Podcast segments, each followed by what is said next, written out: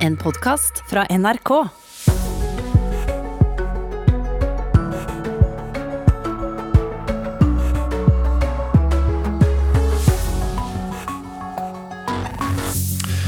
Hei alle sammen, her er eh, Nyhetsmorgen. Rus i trafikken, EUs klimapakke, heten i USA og Canada og nordmenns ferievaner. Det er ting du skal få høre mer om her den eh, neste halvtimen, men la meg være litt mer presis. Over eh, en fjerdedel av dødsulykkene i trafikken i fjor skyldtes ruskjøring, og nå må det innføres alkolås på promillekjørerne, mener en trafikkorganisasjon vi har snakket med. Fit for 55, det er kallenavnet på loven som nå skal få EU-land til å redusere klimagassutslippene sine med 55% frem til 2030. Og apropos klimautslipp, byggebransjen, som du hørte i Dagsnytt, bekymrer seg altså for å ikke få tilgang på grønne og billige lån. De vet nemlig ikke helt hvordan de skal bygge for å bygge for å tilfredsstille de eh, bærekraftskravene de nå blir utsatt for. Utsatt for. Ja ja, det er kanskje ikke den beste formuleringen i verden, men uh, vi skal også snakke om en ting til, nemlig at nordmenn uh, Vi kommer vi tilbake til våre gamle ferievaner med sydenturer og det hele. Mm, ja, det er ikke så sikkert det, mener den ferieforskeren vi skal ha i studio litt før klokken halv åtte. Og Nyhetsmorgen i dag får du med Birger Kolsrud Jåsund i eh, studio. Ja, Over en fjerdedel av dødsulykkene i trafikken i fjor eh, skyldes altså at folk kjører i ruspåvirket eh, tilstand, og det er en økning fra året før. Organisasjonen Emma, Rusfri Trafikk, vil derfor innføre et alkolåsprogram for eh, folk som er dømt for å ha kjørt med promille. Da er riktignok utrykningspolitiet skeptiske, men generalsekretæren i Emma, Elisabeth Fjellvang Christoffersen, hun mener det er et godt tiltak.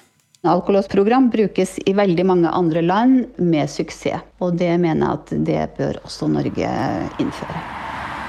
Selv om antall drepte i trafikken aldri har vært så lavt, holder tallet på rusulykker seg stabilt på om lag 20% I fjor var hele 26% av dødsulykkene relatert til rus. Elisabeth Fjellvang Christoffersen mener derfor at innføringen av et alkolåsprogram ville redusert antall rusulykker kraftig. Har de en alkolås eh, installert, så eh, sikrer vi at de er på veien i edru tilstand. For eh, i motsatt fall så ville ikke bilen starte. Tall fra utrykningspolitiet viser at nesten halvparten av de som blir tatt for ruskjøring, kjører uten førerkort. Sjef for UP, Steven Hasseldal, tviler derfor på at alkolås vil ha noen virkning for disse. Vi ser jo at disse som vi anmelder for eh, ruskjøring, de er eh, risikovillige, og svært mange av disse har eh, brutt andre bestemmelser også. I tillegg ser politiet at en stadig større andel ruser seg på andre stoffer enn alkohol. Det vi ser eh, som en trend, det er at andelen som kjører i alkorus eh, synker. Så det vil jo si at den alkoholåsen vil jo ikke hindre, hindre, annen type rus. Vi ser at det, andelen som kjører i medikament- og narkotikarus øker sterkt. Kristoffersen i Emma rusfri trafikk mener likevel at alkolås ville bidratt til å forhindre et flertall av de rusrelaterte dødsulykkene. Hadde mm, alle biler vært utstyrt med alkolås, så ville da 67% av de rusrelaterte ulykkene eh, vært forhindra. Eh, og det syns vi er et veldig viktig poeng som er verdt å ta inn over seg. Selv om han mener tiltaket må utredes nærmere, tror UP-sjef Steven Hasseldal at et alkolåsprogram kunne fått vekk en del av de aller farligste sjåførene. Vi regner nok alkorus som den eh, aller farligste trafikkmessig. Eh, og det er klart at vi ser at det er noen fordeler med dette programmet. Og vi vil ikke avvise det, men vi tror det er viktig at man i hvert fall gjør en grundig vurdering. Elisabeth Fjellvang Christoffersen i Emma Rusfri Trafikk sier erfaringen med alkolåsprogram for promilledømte i land som Sverige, Finland og USA er gode. De, de får et, eh, et, annet forhold til sitt eget problem, og eh, rehabiliteringa er god jevnt over. Ja, det var reporter Kristine Næss Larsen som hadde laget denne reportasjen. Nå skal vi snakke om EUs eh, e pakke med klimalovforslag. Her har du EU-kommisjonens president Ursula von der Leyen. Carbon must have its price. because nature cannot pay the price any longer. Fit for 55 is not just about emissions. We will safeguard our nature and enhance biodiversity, going for nature based solutions wherever possible. Fit for 55, det er altså det samlede navnet de har gitt i det samlede lovforslaget. Målet er altså å gjøre EU klart for å redusere klimagassutslippene med 55 innen 2030, og da er det fra 1990-nivå.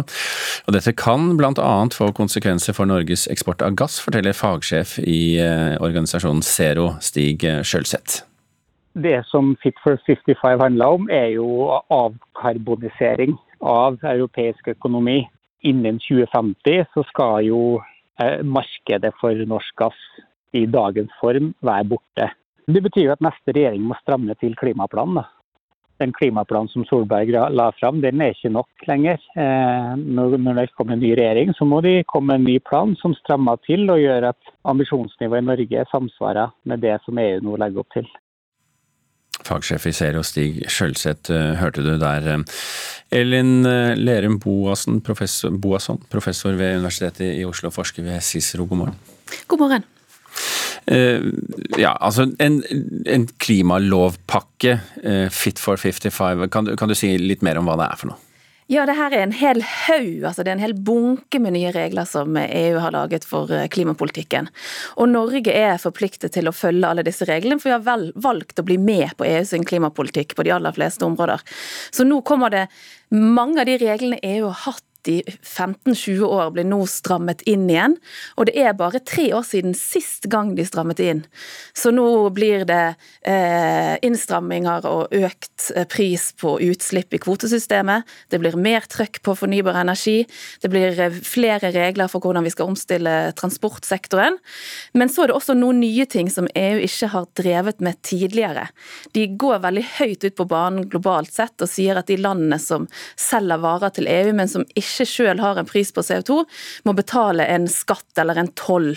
Eh, og Det er et, et, stort skritt i global klimapolitikk, der de prøver å spille tøffe. Så vi får se om noe Norge gjør i forhold til det. Ja, Det er jo et, det er mitt neste spørsmål. Hvordan vil disse lovene påvirke Norge? Ja, nei, Dette vil påvirke oss på veldig mange forskjellige måter. Men et annet nytt perspektiv i denne pakken er at EU er mer opptatt av hvordan få folkelig støtte til klimapolitikken enn de har vært før. Og Det er jo det mange gode grunner til. Og Nå oppretter de et nytt fond i EU-systemet for det, men Norge må jo gjennomføre disse virkemidlene etter hvert i Norge også. Ja, men Hvordan skal de få folkelig støtte, da? Ja, altså jeg tror Dette må norske politikere ta veldig seriøst opp. Men før jeg kommer til det, så må jeg bare si at det som legges frem i dag, er et forslag fra Europakommisjonen. Og Europakommisjonen har prøvd å finne ut hva landene i Europa mener og hvor det går an å få til enighet. Men det kommer til å bli masse diskusjoner i det neste året, ett og et halvt år, kanskje to år. Og så skal lovene gjennomføres i Norge også. Og disse reglene skal jo hjelpe Norge å nå vårt 2030-mål. Men ofte tar det lang tid gjennom EØS-kvernen. Og ofte er det veldig vanskelig å få til gode demokratiske debatter i Norge. Og vi begynner å diskutere disse tingene lenge etter at de er vedtatt i EU. Så nå må norske politikere regjeringen, dere i media, følge med på denne kompliserte pakken og sørge for at vi får en god demokratisk debatt i Norge om hvordan vi skal tilpasse oss disse reglene, og hva som er lurt i norsk klimapolitikk. Hva er lurt i norsk klimapolitikk? Nei, Der er jo folk veldig uenig. Men vi har jo hatt en tendens til at mange av diskusjonene om EUs energi- og klimapolitikk blir veldig preget av hva uh, ulike folk mener om norsk EU-medlemskap. Men jeg vil oppfordre folk til å legge vekk den tanken og heller fokusere på alle disse ulike direktivene og reglene som kommer, og tenke på hva er det vi må gjøre for å få ned våre utslipp for å faktisk nå disse kjempeambisiøse målene frem mot uh, 2030. Vi er jo en olje- og gassnasjon. Er vi Kommer vi til å bli preget av disse reglene mer enn mange andre land? nei, men det er ikke alle reglene som passer eh, perfekt for de behovene vi har for å omstille transportsektoren vår og energisektoren eh, vår.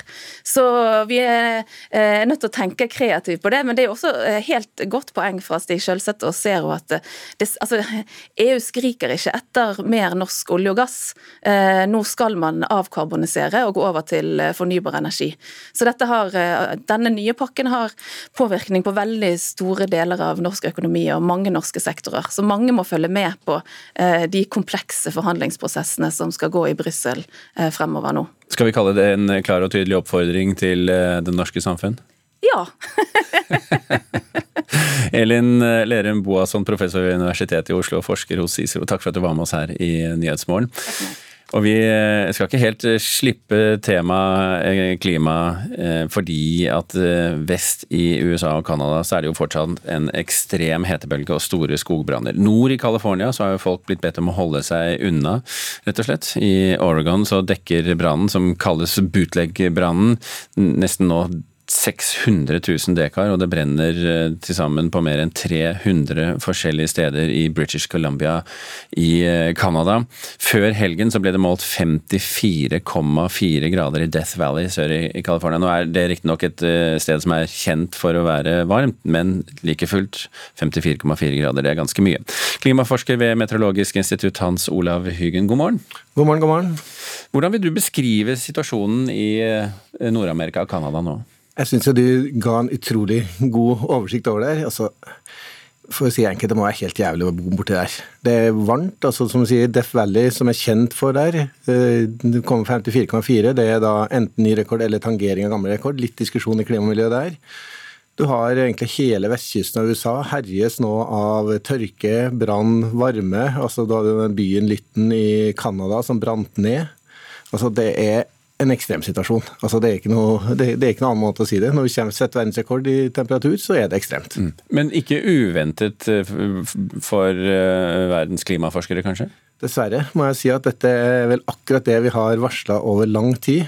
Eh, så I går så en, en av mine kollegaer var ute og sa akkurat det samme. At dette er ting vi har kommet med i klimarapport for klimarapport, om det er på FN-nivå eller mer lokale. Altså det at vi får mer ekstremt vær, mer ekstrem varme, hetebølger, tørke og flommer i andre deler av verden, er akkurat det som vi har varsla i sikkert i 30 år. Og nå er vi der. Hvor stor forskjell utgjør egentlig én grad eller to grader rekord? I, på rekord, altså rekorder det er jo en ekstremsituasjon. Da har du en kombinasjon her av et bakenforliggende klima og at det er en lokal værsituasjon. Så rekorden i seg sjøl, om den flytter seg en halv grad eller én grad, det er kanskje ikke det vi skal mest se. Det er mer den der omfanget av mange steder som flytter seg med rekorder. At vi flytter rekord på den globale temperaturen. At vi ser disse endringene over tid, over lang tid. Og der er det store forskjeller. Altså Hvis vi tar på global temperatur, en halv grad global temperatur, det høres ut som ingenting. Altså Jeg har jo kanskje 10-20 grader variasjon utendørs på en vanlig dag. Men på global temperatur så er det enorme mengder energi som skal fanges i systemet, bli i systemet, påvirke værsystemet og endre værsystemet i forhold til det vi er vant med der hvor vi har innretta vår menneskelige infrastruktur. Og det er kanskje den største sårbarheten her, det at vi har bygd opp et samfunn, en verden, ut fra det klimaet som har vært. Og så stemmer ikke det lenger. Vi har fått en ny verden. Mm, men, men, eh, sånn som i eh, den vestre delen av USA og Canada, eh, så er det jo ikke første gang det er varmt der. Det har jo vært det. Men, men vil dette få ytterligere konsekvenser som vi ennå ikke har sett konturene av? Det, der er jeg ikke ekspert på økologi. Det er, jo, det er jo økologien som får juling, altså trær. Nå er jo dette områder som fra gammelt av har hatt skogbranner opp igjennom. Men det er vel omfanget vi sier. altså var 600 000 dekar, du sa den ene mm. av disse 300 brannene som herja akkurat nå. En by har gått med. altså Det er det omfanget vi ser. Og dette er jo ikke første gangen. Dette er et omfang vi har sett skalere eskalere år for år over de siste 10-20 årene. Så dette er det, er det som er det store her, at omfanget har blitt så svært. Konsekvensene på lang sikt? Ja, på lang sikt, så lokalt i området, så kan det være enkelte områder som rett og slett blir ubeboelige. Og Det er jo en ganske drastisk konsekvens. I forhold til det globale klimasystemet så er vel det noe av det vi må forske på i årene framover. Og se hva er det som vil skje hvis dette blir det nye klimaet i det området, med tørt og varmt. Hans Olav Hyggen ved Meteorologisk institutt, takk for at du var med oss her i Nyhetsmorgen. Takk for at jeg fikk være med.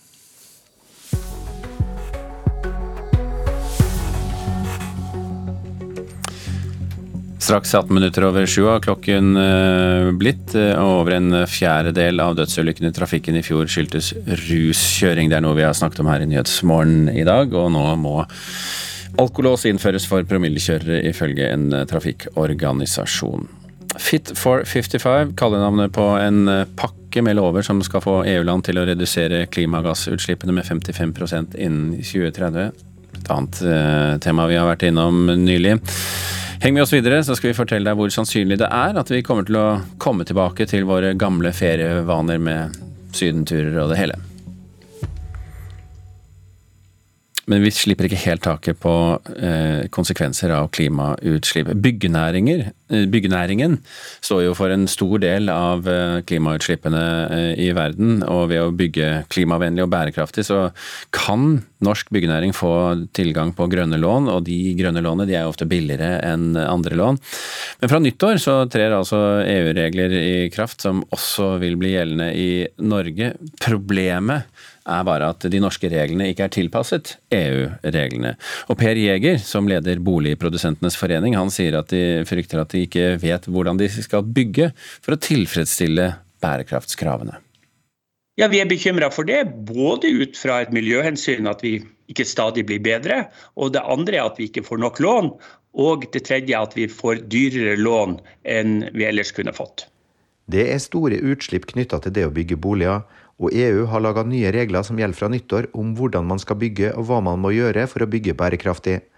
Dermed kan man få tilgang på grønne lån som ofte har en lavere rente enn andre lån.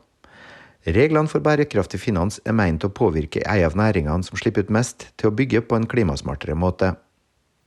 Nei, Det er hardt arbeid fra tre departementers side. og Vi håper jo at de kan starte dette arbeidet umiddelbart.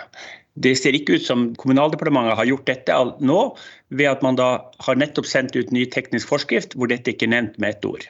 Så myndighetene må få opp farta. Men det er ikke bare boligprodusentene som er bekymra. Finans Norge har sammen med Norsk Eiendom og Grønn byggallianse sendt brev til tre statsråder. Der peker de på mangler i energimerkeordninga og en lang liste med punkter der norske regler ikke samsvarer med de nye EU-reglene. De vil bli gjeldende i Norge gjennom EØS-avtalen, og det haster å få dette her på plass, sier Agathe Shetland, som er direktør for bærekraft i Finans Norge. Jeg mener absolutt at det haster. Vi vet jo at eh, det å endre på definisjoner og det å skape definisjoner vi enda ikke har på plass, det, det, tar tid. Det er mange som skal være involvert. Det skal på høring, det skal vurderes og det skal prosesseres. Og det er klart at uh, Dette må vi ha på plass, slik at det blir mer forutsigbart både for de som bygger og de som skal finansiere det. Vi faktisk får en klar og entydig definisjon på hva et grønt bygg er. Kommunaldepartementet og Olje- og energidepartementet har begge ansvar for deler av regelverket, men vil ikke kommentere saken. Statssekretær Kari Olrud Moen i Finansdepartementet skriver i en e-post til NRK at regjeringa følger nøye med på EU sitt arbeid med bærekraftig finans, og jobber aktivt med saken. Ei bredt sammensatt arbeidsgruppe jobber nå med å avklare forskjeller mellom standarder som gjelder i EU og her hjemme. Reporter Johan B. Settem hørte det der. Da skal vi slippe klimaspørsmålet en stund og snakke om andre ting her i Nyhetsmorgen. Eh, flere etterlatte NRK har vært i kontakt med, føler nemlig at de ikke blir inkludert i tiårsmarkeringen etter 22.07-terroren. Dårlig informasjon og knappe tidsfrister for å melde seg på arrangement har eh, med begrenset kapasitet gjør at det er ikke alle som føler seg velkomne. Det er dessverre begrensninger ved årets arrangement pga. pandemien, sier eh, flere av aktørene. Han fylte 16 25.6, så det var liksom knappe Han rakk å være 16 knapt en måned, da. Men nå skulle han vært 26. Rita Førland forteller om sin sønn som hun mistet 22.07.2011. Hun er en av flere etterlatte som føler seg ekskludert fra minnemarkeringen fordi hun ikke fikk plass i domkirken hvor dagen skal markeres ti år etter hendelsene fant sted. Hvem er det som har fått de plassene som vi burde hatt? For jeg mener jo at de etterlatte burde ha fortrinn på disse arrangementene. Men etter det NRK kjenner til, går minst 18 av plassene i Domkirken og regjeringskvartalet til offisielle representanter, deriblant statsministeren, fire statsråder og alle partilederne. NRK har forsøkt å finne ut av hvem som har ansvar for det totale programmet på årets minnedag. Det har vist seg å være vanskelig å slå fast, men Utenriksdepartementet har ledet en prosjektgruppe på vegne av regjeringen der støttegruppen, AUF og Domkirken har vært representert. På vegne av regjeringen svarer pressekontakt ved statsministerens kontor, Arvid Samland. Rollen til prosjektgruppen har først og fremst vært å bistå med den praktiske og tekniske tilretteleggingen av tiårsmarkeringen i tett samarbeid med støttegruppen og AUF. Så lenge det er berørte som ikke føler seg inkludert, er det helt sikkert ting vi kunne ha gjort bedre, sier han. Det planlegges flere nasjonale og lokale markeringer, bl.a. på Utøya, i regjeringskvartalet, i Domkirken og i Spektrum. Når det gjelder plassene i Domkirken, er det den nasjonale støttegruppen for 22. juli som har sendt ut informasjon og lenke til påmelding. Men informasjonen har kun blitt sendt til deres medlemmer. Siden Førland ikke var medlem, ble hun henvist til en kirke langt fra der hun sogner til. Påmeldingsfristen var tiende. Det var vel åttende, tror jeg, at jeg prøvde å melde meg på. Da fikk vi bare beskjed om at det var fulltegna. Det syns jeg jo er litt rart. Er det vært førstemann til mølla-prinsippet, eller NRK har også spurt støttegruppen om hva de tenker rundt at ikke alle føler seg inkludert. Leder Lisbeth Røyneland har sin egen sorg etter terroren å tenke på nå i disse dager før minnemarkeringen, og ønsker derfor ikke å stille opp til intervju, men skriver i en e-post. Vi i støttegruppen synes det er trist å høre at ikke alle etterlatte føler seg ivaretatt, men pga. en pandemi en én meters avstand og fysiske begrensninger, spesielt i regjeringskvartalet, så var dette løsningen vi landet på. Moren til Thomas, Rita Føland, spør seg nå hvem er minnedagen for? Er den for etterlatte og overlevende, eller er den for andre som ikke er direkte berørt? Hvis de tenker bare på pandemien, så har vi hatt god tid til å planlegge. Og nå har det sluppet opp veldig. Det er tiårsmarkeringa den har sikkert vært planlagt i lang tid.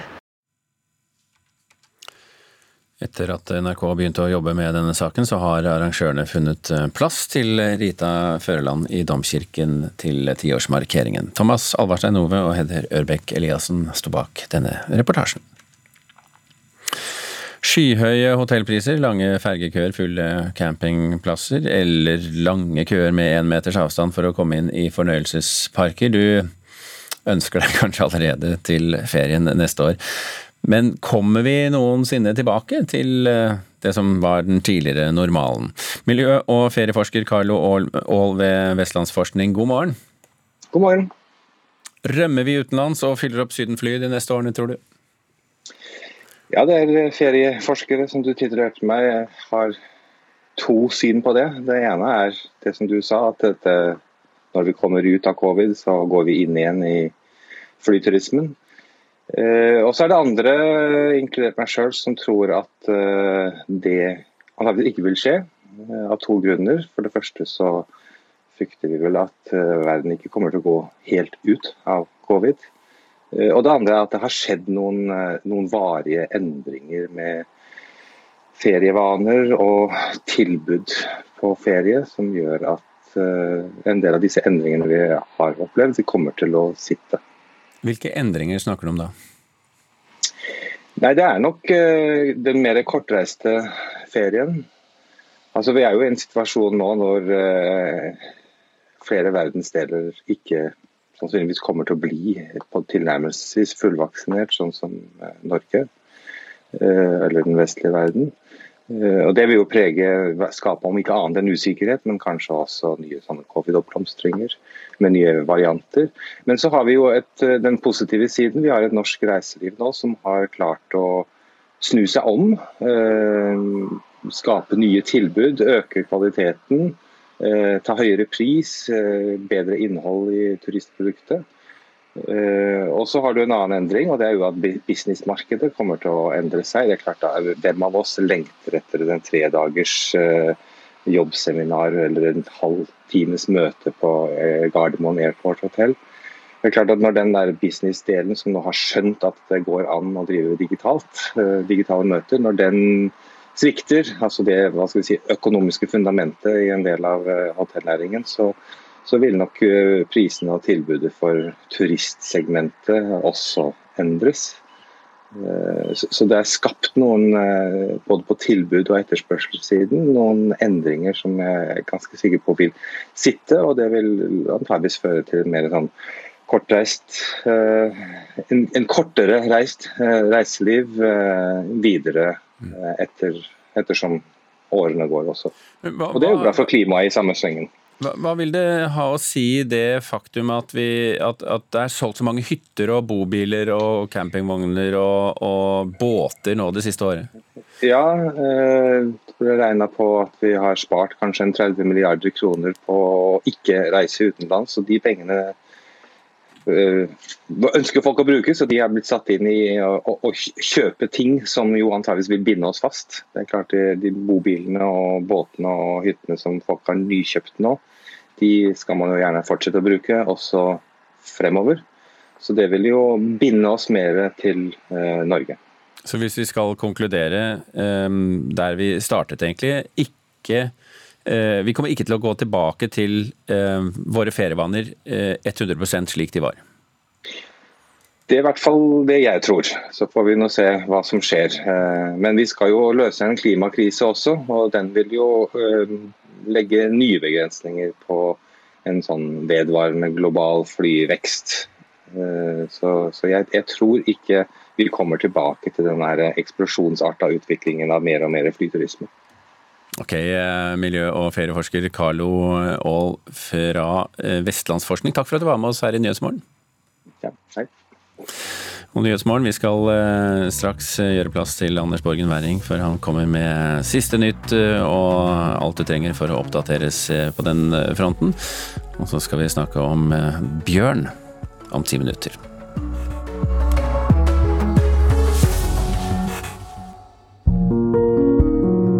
Lurer du på hva du skal lese i sommer?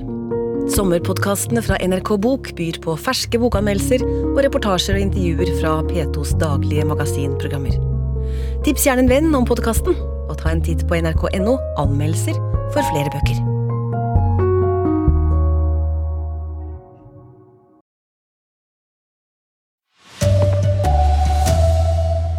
Det må innføres alkolås for promilledømte, mener trafikkorganisasjonen. Over en firedel av trafikkulykkene i fjor skyldtes rus.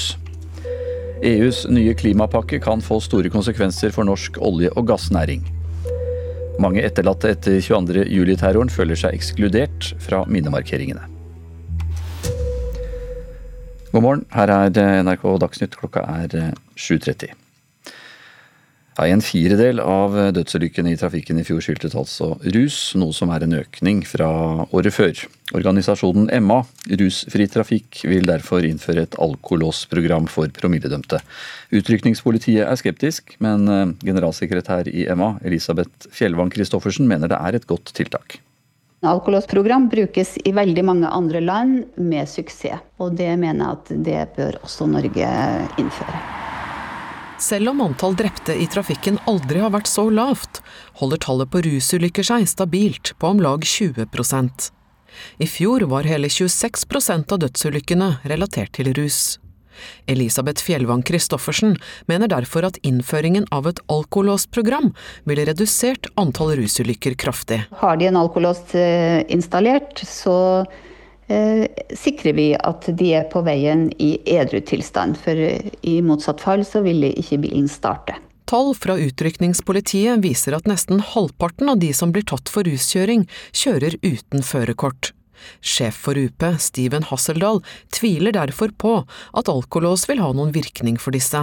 Vi ser jo at disse som vi anmelder for ruskjøring, de er eh, risikovillige, og svært mange av disse har brutt andre bestemmelser også. Samtidig tror han et alkolåsprogram kunne fått vekk en del av de aller farligste sjåførene. Vi regner nok alkorus som den eh, aller farligste trafikkmessig. Elisabeth Fjellvang Christoffersen i Emma rusfri trafikk sier erfaringen med alkolås i land som Sverige, Finland og USA er gode. De, de får et, et, annet forhold til sitt eget problem, og rehabiliteringa er god jevnt over. Reporter Kristine Næss Larsen. EU-kommisjonen legger i dag fram en pakke med klimalovforslag på regjeringskonferanse i Brussel. Det samlede lovforslaget har fått navnet Fit for 55. Målet er å gjøre EU klart for å redusere klimagassutslippene med 55 Så Dette kan bl.a. få konsekvenser for Norges eksport av gass, forteller fagsjef i Zero, Stig Sjølseth. Det som Fit for 55 handler om, er jo avkarbonisering av europeisk økonomi innen 2050 så skal jo eh, markedet for norsk gass i dagens form være borte. Det betyr jo at neste regjering må stramme til klimaplanen. Da. Den klimaplanen som Solberg la fram, den er ikke nok lenger. Eh, når det kommer en ny regjering, så må de komme med en ny plan som strammer til og gjør at ambisjonsnivået i Norge samsvarer med det som EU nå legger opp til. Og Elin eh, Lerum Boasson, professor ved Universitetet i Oslo og forsker hos Cicero, sier EU nå prøver å spille tøffe i den eh, globale klimapolitikken. Det er en hel bunke med nye regler som EU har laget for eh, klimapolitikken. Og Norge er forpliktet til å følge alle disse reglene, for vi har vel valgt å bli med på EUs klimapolitikk på de aller fleste områder. Nå blir det innstramminger og økt eh, pris på utslipp i kvotesystemet. Det blir mer trøkk på fornybar energi. Det blir eh, flere regler for hvordan vi skal omstille transportsektoren. Men så er det også noen nye ting som EU ikke har drevet med tidligere. De går veldig høyt ut på banen globalt globalt sett og sier at de landene som selger varer til EU, men som ikke selv har en pris på CO2, må betale en skatt eller en toll. Eh, og Det er et, eh, et stort skritt i global klimapolitikk, der de prøver å spille tøffe. Skal fortsatt handle om eh, klimapolitikk, for eh, byggenæringa er bekymret for at den ikke skal få nye grønne lån som er billigere enn andre lån. EU innfører en rekke nye låneordninger for å få ned klimautslippene i næringa. Problemet er at norske regler ikke er tilpasset EU-reglene, mener Per Jeger, som leder Boligprodusentenes forening. Jo, vi får ikke grønn finansiering. Eh, fordi at eh, Bankene vil jo være bundet av taksonomireglene som da EU har fastsatt, altså beregningsreglene for lån. Og Dermed så kan vi ikke få grønne lån i Norge. Det er store utslipp knytta til det å bygge boliger, og EU har laga nye regler som gjelder fra nyttår om hvordan man skal bygge og hva man må gjøre for å bygge bærekraftig. Dermed kan man få tilgang på grønne lån som ofte har en lavere rente enn andre lån. Reglene for bærekraftig finans er meint å påvirke ei av næringene som slipper ut mest, til å bygge på en klimasmartere måte. Så myndighetene må få opp farta. Men det er ikke bare boligprodusentene som er bekymra. Finans Norge har sammen med Norsk Eiendom og Grønn byggallianse sendt brev til tre statsråder. Der peker de på mangler i energimerkeordninga og en lang liste med punkter der norske regler ikke samsvarer med de nye EU-reglene. De vil bli gjeldende i Norge gjennom EØS-avtalen, og det haster å få dette her på plass, sier Agathe Shetland, som er direktør for bærekraft i Finans Norge. Jeg mener absolutt at det haster. Dette må vi ha på plass, slik at det blir mer forutsigbart både for de som bygger og de som skal finansiere det. Vi faktisk får en klar og entydig definisjon på hva et grønt bygg er. Kommunaldepartementet og Olje- og energidepartementet har begge ansvar for deler av regelverket, men vil ikke kommentere saken. Statssekretær Kari Olrud Moen i Finansdepartementet skriver i en e-post til NRK at regjeringa følger nøye med på EU sitt arbeid med bærekraftig finans, og jobber aktivt med saken. Ei bredt sammensatt arbeidsgruppe jobber nå med å avklare forskjeller mellom standarder som gjelder i EU og her hjemme. Det sa reporter Johan B. Settem. Så skal vi høre at flere etterlatte NRK har vært i kontakt med, føler at de ikke blir inkludert i tiårsmarkeringen etter 22.07-terroren. Dårlig informasjon og knappe tidsfrister for å melde seg på arrangementer med begrenset kapasitet gjør at de ikke føler seg velkomne. Han fylte 16 25.6, så han rakk å være 16 knapt en måned. da. Rita Førland forteller om sin sønn som hun mistet 22.07.2011. Hun er en av flere etterlatte som føler seg ekskludert fra minnemarkeringen fordi hun ikke fikk plass i domkirken hvor dagen skal markeres. Man føler jo at man blir ekskludert, da. Det planlegges flere nasjonale og lokale markeringer, bl.a. på Utøya, i regjeringskvartalet, i domkirken og i Spektrum. Men etter det NRK kjenner til, går minst 18 av plassene i Domkirken og regjeringskvartalet til offisielle representanter. NRK har forsøkt å finne ut av hvem som har ansvar for det totale programmet på årets minnedag. Det har vist seg å være vanskelig å slå fast. Men Utenriksdepartementet har ledet en prosjektgruppe på vegne av regjeringen der støttegruppen, AUF og Domkirken har vært representert. Pressekontakt ved statsministerens kontor, Arvid Samland, sier at rollen til prosjektgruppen har først og fremst vært å bistå den praktiske og tekniske tilretteleggingen av markeringen, men sier det er leit at noen kjenner seg ekskludert. Når det gjelder plassene i Domkirken, er det den nasjonale støttegruppen for 22. juli som har sendt ut informasjon og lenke til påmelding men informasjonen har kun blitt sendt til deres medlemmer. Siden Førland ikke var medlem, ble hun henvist til en kirke langt fra der hun sogner til. Leder i støttegruppen Lisbeth Røyneland sier hun syns det er trist å høre at ikke alle etterlatte føler seg ivaretatt, men pga. en pandemi, en énmetersavstand og fysiske begrensninger, så var dette løsningen de landet på. Ja, etter at NRK startet å jobbe med denne saken, så har arrangørene funnet en plass til Rita Føreland i Domkirken på tiårsmarkeringen. Reporter her, det var Heder Ørbekk Eliassen. Tallet på reisende til Norge har nesten doblet seg etter at det ble lettet på innreiserestriksjonene forrige mandag. I gjennomsnitt så krysser rundt 14 000 personer grensa til Norge hver dag, skriver Aftenposten og svært få av disse må i karantene. Men trafikken ligger fortsatt bare på under halvparten av hva den var før pandemien. Mange jordbærselgere i Oslo og Viken har for dårlige arbeidsvilkår. Det er tilbakemeldingen fra flere av dem som jobber med LOs sommerpatrulje. Kristine Knutsen i LO er bekymret over situasjonen og kaller det hele for sosial dumping. Det er veldig mange unge utenlandske arbeidstakere, spesielt på jordbærselgerne, som vi har møtt på i år, da, som er under 18 år og ned helt, nesten helt ned til 13-årsalderen. Som sitter åtte-ni timer hver eneste dag. De har ikke kontrakt, de får pengene rett i hånda. De vet ikke sine egne rettigheter. Og det er jo noen ting som vi i LO er sterkt imot. Intervjuet som Oprah Winfrey gjorde med britene, britene nå skal du høre, britenes prins Harry og hertuginne Meghan i mars, er nominert til Emmy-prisen i kategorien fremragende dokumentarserie eller spesialsending. I intervjuet så fortalte de to om rasisme, ufin mottakelse av Meghan og utfordrende familierelasjoner. Og I Nyhetsmorgen på P2 etter klokka åtte i dag så blir det mer om trender og tendenser i forbindelse med Emmy som finner sted 19.9. Erlend Rønneberg har ansvaret for NRK Dagsnytt i dag. Jeg heter Anders Borgen Werring.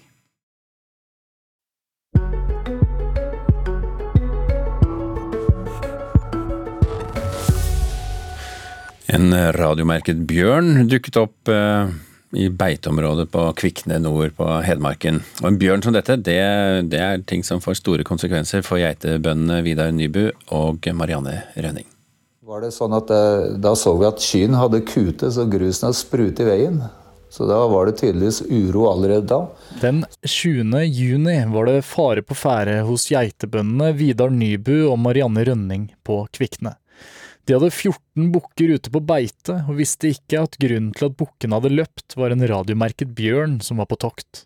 De fikk samla bukkene og ante fred og ingen fare, men en uke senere fikk Marianne en melding på GPS-systemet. En av bukkene hadde nemlig løpt langt vekk. Hun var begynt å gå oppover fjellet med mjølbytte.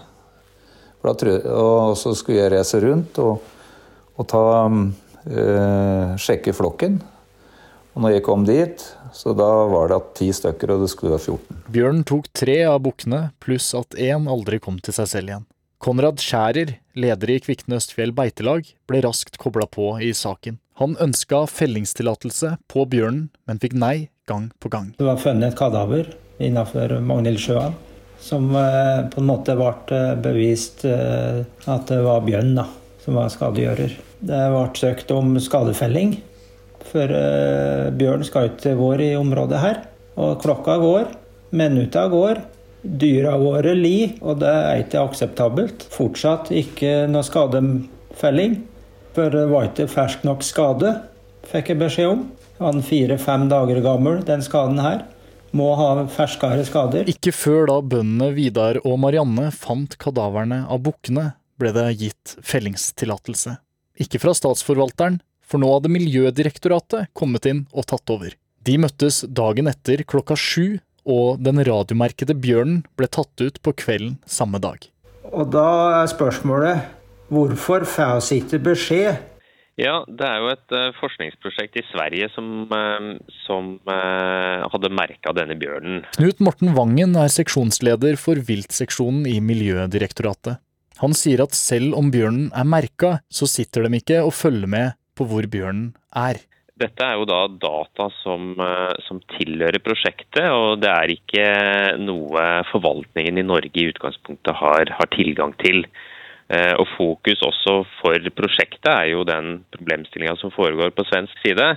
Så det er heller ikke da slik at prosjektet sitter og, og følger med på, på eh, sporlogger fra, fra, disse bjørnene når de beveger seg ut av, ut av studieområdet. Elisabeth Jems, leder for Innlandet Bondelag, er tydelig på hva som skulle vært gjort. Nei, Jeg mener at eh, det er helt, helt klart prinsipielt sånn at radiomerka bjørner de må de må følges i når de går inn i beiteprioriterte områder, så må beitebrukerne varsles om det som skjer. Det er teknisk mulig, og det må bare instrueres om at det skal gjøres. I forhold til eh, det å redusere skade og potensialet for skade, så er det nok en forholdsvis liten merverdi å ha et et system som eh, eventuelt varsler de få merka bjørnene som er eh, i disse områdene. Vi vet jo at Rovdyr forflytter seg raskt, og de aller fleste er ikke merka. og Således så gir det en, en liten merverdi å ha et, eh, et varslingssystem på, på de merka dyrene. På gården til Marianne og Vidar sitter de igjen og er fortvila over situasjonen. Og slike dyrelidelser som vi har eh, opplevd nå, det kan ikke vi oppleve flere ganger. Og til slutt hørte du Marianne Rønning og tidligere Vidar Nybu. Reporter i saken, det var Erlend Arnesen. Klokken er nå eh, straks kvart på eh, åtte. Vi får politisk sommerkvarter om ikke så lenge. La meg bare minne om hva som er toppsakene våre. Over en fjerdedel av dødsulykkene i trafikken i fjor skyldtes ruskjøring, og nå må det innføres alkolås for promillekjørerne, mener en trafikkorganisasjon. Fit for 55 det er kallenavnet på en svær pakke av lover som nå skal få EU-land til å redusere klimautslippene med 55% innen 2030. Det norske samfunnet må virkelig ta debatten om Fit 55 så fort som mulig, sa Elin Lerum Boasson til oss her i dag. Hun er professor ved Universitetet i Oslo og forsker ved Cicero. Og flere etterlatte NRK har vært i kontakt med, de føler at de ikke blir inkludert i tiårsmarkeringen etter 22. Nå, Politisk sommerkvarter, og i dag er det Politiske sommerkvarteret. Det er ved reporter Haldor Asvald.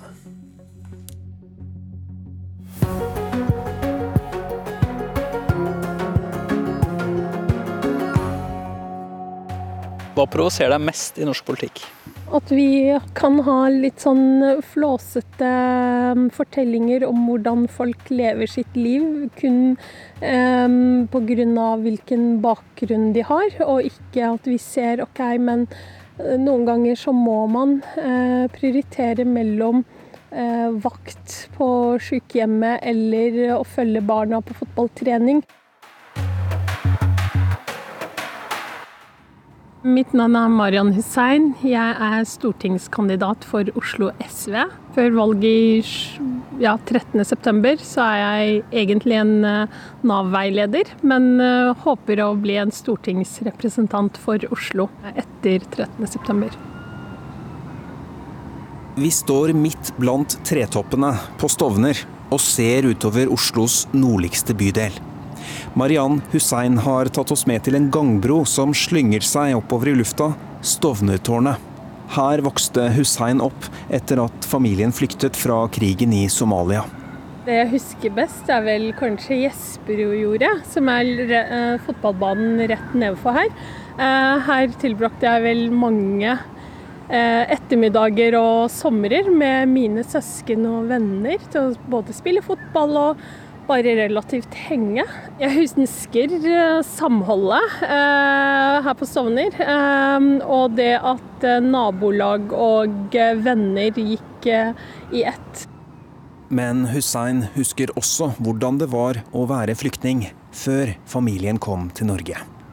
Jeg har en del um, minner som uh, noen ganger er litt preget av de fortellingene jeg har hørt, men som er uh, Jeg husker hvordan det var å miste en onkel i krigen, og det å på en måte forlate hjemmet og nabolaget som vi hadde i Somalia. Og til den dag i dag så eh, hører jeg jo på en måte om forskjellige naboer som, og hvordan det har gått med de, og eh, er veldig takknemlig for at min familie hadde muligheten til å flykte når vi flyktet. For det har ikke vært lett for de som ble igjen.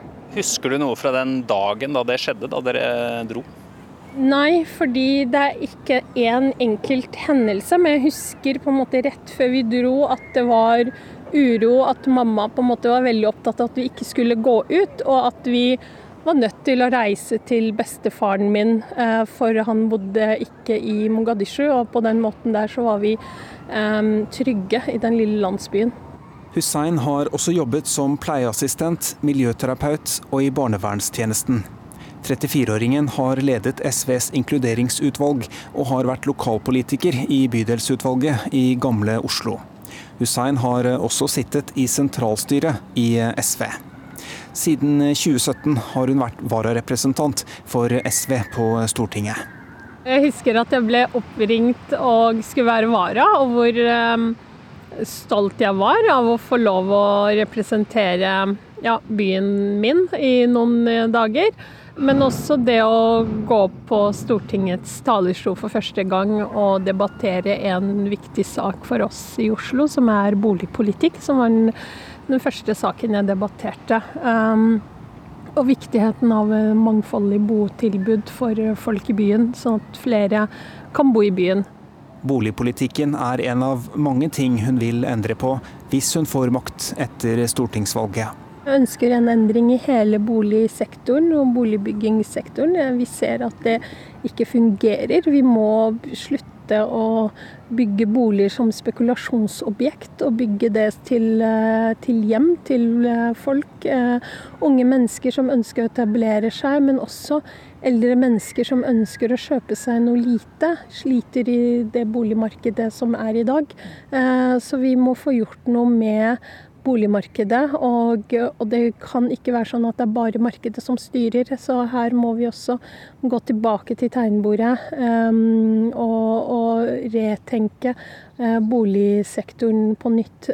For vi ser gang på gang veldig mange grupper som ut altså som støtes ut. Og jeg har ikke lyst på det Oslo jeg ser konjunkturen av i dag, hvor, hvor mange ikke har råd til å kjøpe eget hjem.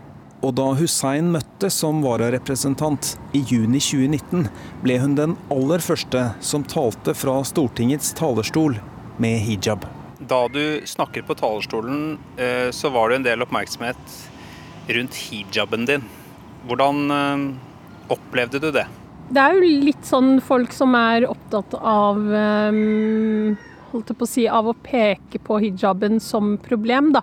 Eh, de slutter på et eller annet vis å lytte eh, til menneskene og kun ser på utseendet ditt, enten du er eh, kvinne med hijab eller du er en homofil mann. Så jeg tenker at veldig mange av de menneskene som driver med sånn identitetskriging på negativ forstand, de de har litt av å lære de, de, bør begynne å lære å lytte til folk, istedenfor å bare peke på det som eh, differensierer oss og gjør oss annerledes, og heller se på OK, men hun er en politiker som ønsker noe med samfunnet, la oss lytte til eh, hvilke politikk er hun ønsker å uh, føre med seg, da. Hva tenker du om at du er den første stortingsrepresentanten som vil gå med hijab, hvis du blir valgt inn? Det, altså, det sender jo ut kanskje mange um, bilder eller mange um, tegn, da, eller signaler til uh, kvinner med hijab som uh, blir utsatt for hatkriminalitet. Det er den gruppa som blir utsatt for, eller som har økt mest de fem siste årene, uh, som har blitt utsatt for hatkriminalitet, og hvor man mistenker at at mørketallene er høye, at det er mange som ikke anmelder. Eh, men jeg blir også den første personen av afrikansk opphav som blir eh, representant på Stortinget, muligens. Ehm, så det er veldig mange ting som jeg kanskje er første av.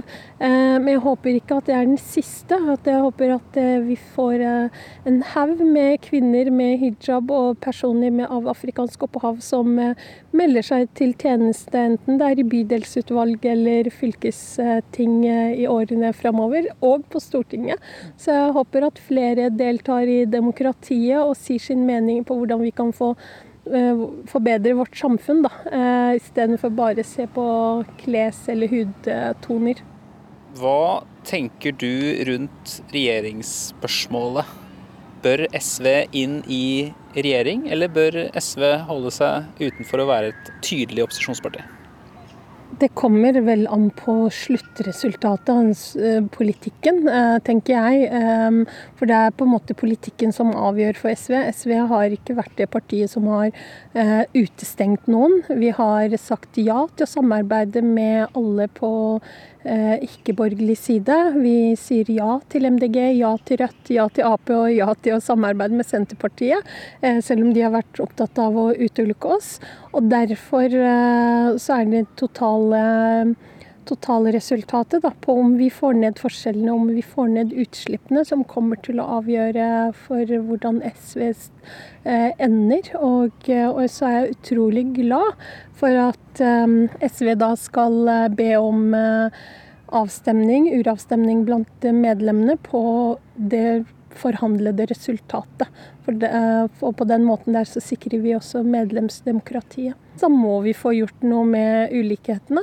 Og for meg så er det jo også et spørsmål om vi får en god nok eh, asylpolitikk eh, i enden der. For vi kan ikke ha den asylpolitikken vi har i dag. Og med de tonene jeg leser i disse dager fra Arbeiderpartiet på om den danske asylmodellen som de ønsker å kopiere til Norge, så tenker jeg at her, eh, her kan ikke vi ta noen ting for gitt. Da. Her må vi forhandle om alt.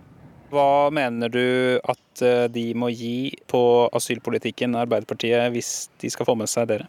Nei, Da tenker jeg at vi kan ikke drive og sende folk til eh, andre land for å, behandle, å be andre land om å behandle asylsøknader når folk har eh, søkt om asyl i Norge, f.eks. Men det er også veldig mange andre saker som jeg tenker gjør seg best på å ikke tas i nyhetene før man eh, har forhandlingene. Har du noen krav til Arbeiderpartiet for å være med på at man skal gå inn i regjering? Jeg tenker En human asylpolitikk er i hvert fall et sted å starte for min egen del. Og så vet jeg at det er mange andre Og Hva er en human asylpolitikk? Nei, F.eks. at vi ikke driver og sender unger som Mustafa Hassan ut av Norge. Eller at kvinner som har bodd i Norge og som har skilt lag med eh, mennene de kom til familiegjenforening med, ikke skal risikere å bli sendt tilbake til krigsherjede områder. Det er noen av eh, mange eh, saker som vi har sett i nyhetsbildet de siste dagene, som jeg tenker at det må vi få slutt på. Det her funker ikke. Men er det greit at eh, foreldre som oppgir feil informasjon til myndighetene, har barn da som senere får bli i landet, selv om foreldrene oppga feil informasjon? Det kommer jo an på hvordan man leser den feil informasjonen, da. Ehm, når man faktisk er palestiner og Det er jo litt det samme som meg og min familie. Vi kom til Norge fra Saudi-Arabia, men vi er opprinnelig fra Somalia.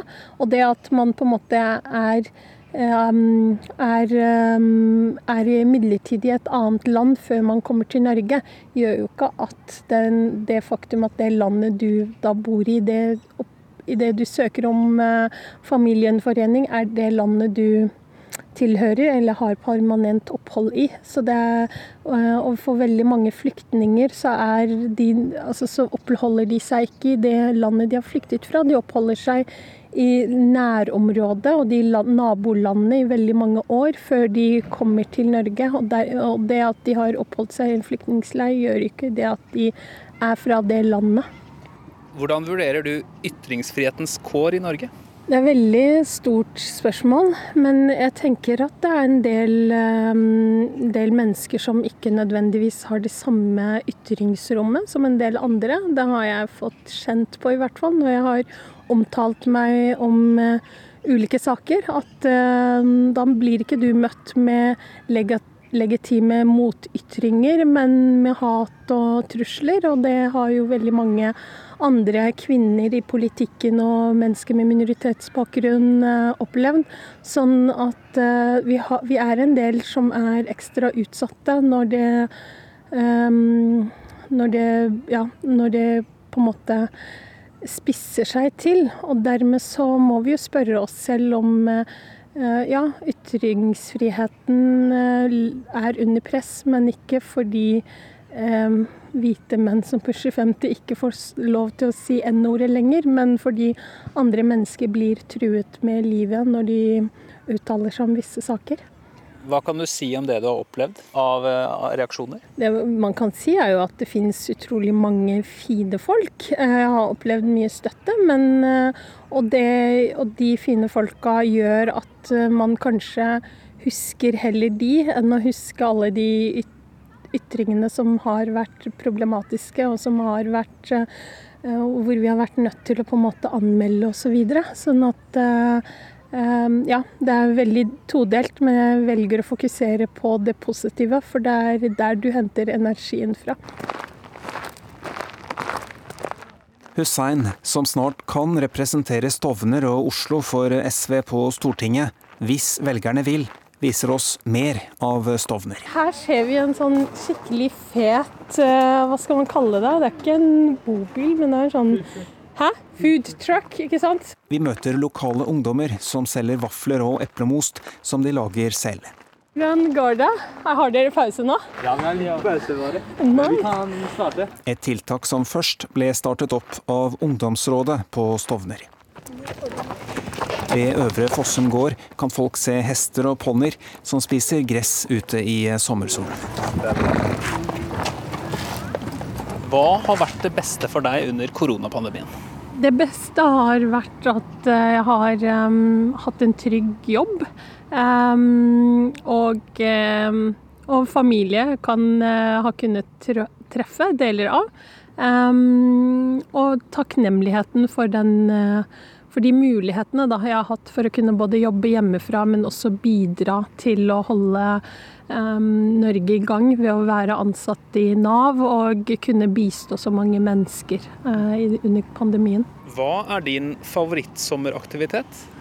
Det er å um, ta båten ut i Oslofjorden uh, og tilbringe ja, hele dagen, egentlig, i en av de mange øyene vi har i Oslofjorden. Uh, det er en Vi har ikke hytte å reise til, så vi har Oslofjorden, og det er jeg veldig takknemlig for.